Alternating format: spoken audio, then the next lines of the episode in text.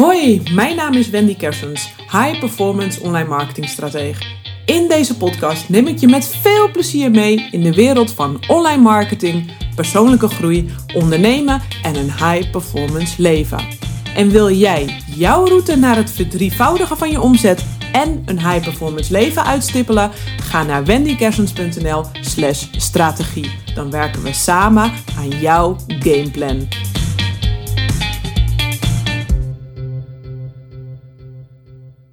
Hey, Wendy hier. Leuk dat je weer luistert naar aflevering 101 alweer. En deze aflevering gaat over hoe je je bedrijf kunt laten groeien door focus te leggen op het besparen van tijd in plaats van het besparen van geld.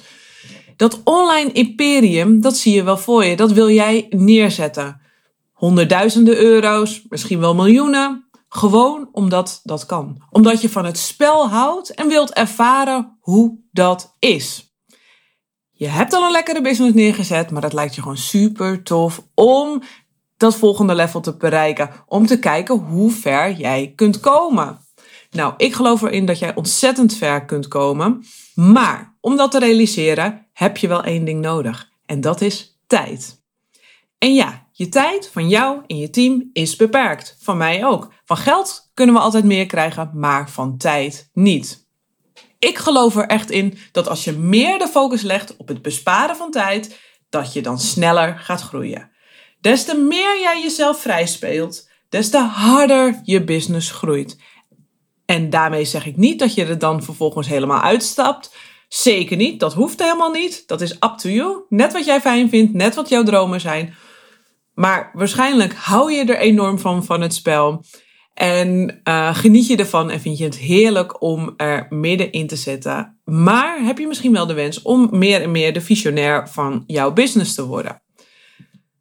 Als de daily business los van jou gaat draaien, dan kun jij je namelijk wat meer gaan focussen op nieuwe kansen, nieuwe samenwerkingen, nieuwe ideeën en nieuwe mogelijkheden om nog meer impact te maken. Oké, dus tijd besparen. Voordat je daaraan kunt beginnen, uh, om daar de focus op te leggen, zijn er eerst drie stappen te zetten. Je hebt allereerst helderheid daarvoor nodig. Wat zijn je doelen? Waar wil je heen met je online imperium? Heb je dat helder voor jezelf? Als tweede heb je overzicht nodig. Met welke producten en diensten ga je dat bereiken? Waarmee wil je dat gaan doen? En met wie aan je zijde ja, wil je dat neerzetten? Dat overzicht, dat heb je nodig. En dan als derde heb je ook focus nodig. Want met welke activiteiten ga je dit realiseren? En ja, welke activiteiten ga je ook daadwerkelijk uitzetten bij jezelf of je team? Dus je hebt helderheid nodig, overzicht nodig en focus nodig. Dat houdt je al scherp als je dit weet. Daarna komt dus de uitvoering van die activiteiten. Het werk moet gedaan worden. En daar kijken we dus te vaak naar hoe we kosten kunnen besparen of hoe we ons geld maar niet hoeven uit te geven aan ondersteuning. En begrijp me goed, hè, ik ben niet tegen goed op je kosten letten. Ik vind dat heel erg belangrijk dat je inzichtelijk hebt uh, waar je geld naartoe gaat, wat je inkomsten zijn per maand, wat de uitgaven zijn, wat de cashflow in je maand is. Dat is absoluut belangrijk om een gezond bedrijf te, uh, te draaien. Maar kijk eens goed waar jij zelf dan je tijd aan besteedt en waar de mensen in je team hun tijd aan besteden. Mijn ervaring in de praktijk is dat er vaak heel veel tijd valt te besparen. Omdat er tijd inefficiënt wordt besteed, omdat het zo hoort, omdat je misschien zelf iets op orde wilt hebben wat eigenlijk niet zo belangrijk is. Maar goed, de wereld die verandert nu supersnel. We moeten flexibel zijn en zeker met online bedrijven is het belangrijk dat je supergoed bij de core van je business blijft. Wat is de essentie van je bedrijf en hoe kun je dat zo optimaal mogelijk neerzetten? Als ik één ding wel heb geleerd, is dat je als visionair van je business vooral met de voorkant van je business bezig moet zijn. Sales is altijd prioriteit. Als je sales niet groeit, groeit er niks. Ga je die miljoenen business niet krijgen. Als je dat wilt, zul je moeten kijken, oké, hoe ga ik meer verkopen? Hoe ga ik slimmer verkopen? Hoe ga ik mijn marges vergroten? Nou, la la la la la. Als je sales niet groeit, groeit er niks. Dus, maar dan moet natuurlijk wel de achterkant op orde zijn. Want anders loop je daar continu brandjes te blussen en dan kun jij niet aan de voorkant gaan zitten. Nou, ik ga je even een voorbeeld geven uit de praktijk um, dat ik heb ervaren van de afgelopen jaren dat ik mijn social media advertising bureau had.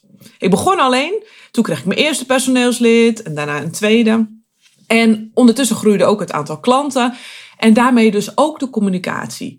De communicatie uh, ja, met twee personeelsleden natuurlijk, dan is er meer communicatie nodig. Maar natuurlijk ook doordat het aantal klanten groeide. Dan ontstond er ook meer communicatie. Meer mailverkeer, meer telefoonverkeer.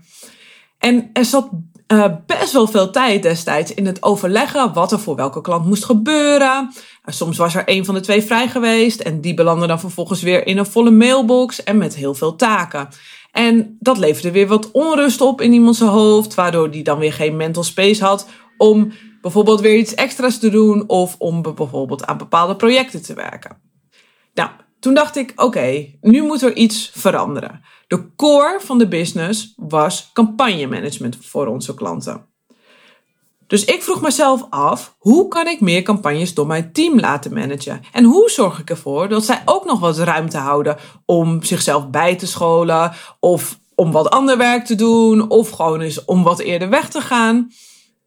En zo heb jij ook repeterende taken, zeg maar, uh, in je business of ja, een core in je business. Ga eens na wat dat is. Wat komt gewoon iedere keer terug? Wat is echt die kern, zeg maar, van je business wat repeterend is? Is dat het community management? Is dat mails beantwoorden?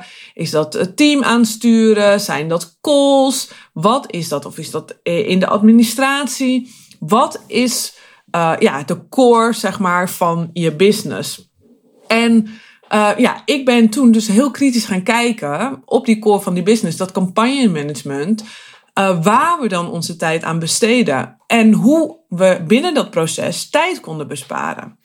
Nou, wat we toen zijn gaan doen is dat we in Asana, dat is zo'n hele handige projectmanagement tool, maar daar heb je heel veel varianten in. En je hebt ook Monday of nou ja, je hebt van alles en nog wat Slack. Maar uh, wij zijn in Asana onze werkprocessen gaan inrichten. Echt structuren gaan aanbrengen. Dus het team even bij elkaar gezet van oké, um, hoe kan dit makkelijker? Hoe kunnen we hier structuur, ritme in aanbrengen, zodat we werk makkelijker kunnen overdragen, dat het makkelijker van de een naar de ander gaat, dat we minder hoeven te communiceren, dat er minder verwarring ontstaat. Dus we hebben gewoon echt gekeken hoe kunnen we ervoor zorgen dat we dingen niet vergeten of niet eindeloos in ons hoofd uh, blijven leven. Dat we een onrustig hoofd uh, krijgen en gefrustreerd raken. Dus het ging heel erg over processen maken. Dus um, ja, we hebben eerst gekeken van, goh, wat kost het meeste tijd? Oké, de communicatie met klanten. Kunnen we hier structuur in aanbrengen? En dat hebben we ook gedaan. Dus op een vaste dag in de week kreeg iedere klant een update van de stand van zaken. Want we merkten, uh, de rapportages kwamen één keer in de maand. Maar als je tussentijds geen update geeft, dan wil de klant daar vaak een update van geven. Dus we hebben gezegd, oké, iedere klant krijgt op een vaste dag in de week. Um, en dat verdeelden we dan over de week heen, tot het niet alles op dezelfde dag uh, lag. Daar gaven we even een update van de stand van zaken over. Destijds was dat dus over hoeveel leads er binnen gekomen zijn. En eigenlijk net wat de campagnedoelstellingen waren. Gewoon even een kort berichtje. Um, maar we deden dat iedere week. En dat werd dus vast als taak in Asana neergezet. Nou, één keer in de maand hadden we ook bijvoorbeeld een rapportage. Ook dat gold. Op een vaste dag in de maand kregen de klanten een rapportage. Als een klant mailde, werden eventuele taken die daaruit kwamen uh, tussentijds allemaal in Asana gezet. Dus als de taken niet meteen konden worden uitgevoerd, werden ze in Asana gezet. En dat kon bijvoorbeeld zijn dat iemand nog weer een campagne wilde of iets dergelijks, uh, wat voor volgende week was en dat er dan uh, pas over een paar dagen klaargezet moest worden. Nee, die dingen wilden we niet meer in ons hoofd hebben, die hebben we dan in Asana gezet. S'morgens hoefden we dus alleen nog maar daarin te kijken. Nou, wat gebeurde er nu? Na twee maanden zat er ongeveer structuur in. Wij wisten hoe we, hè, toen was het zeg maar in Asana ideaal ingedeeld.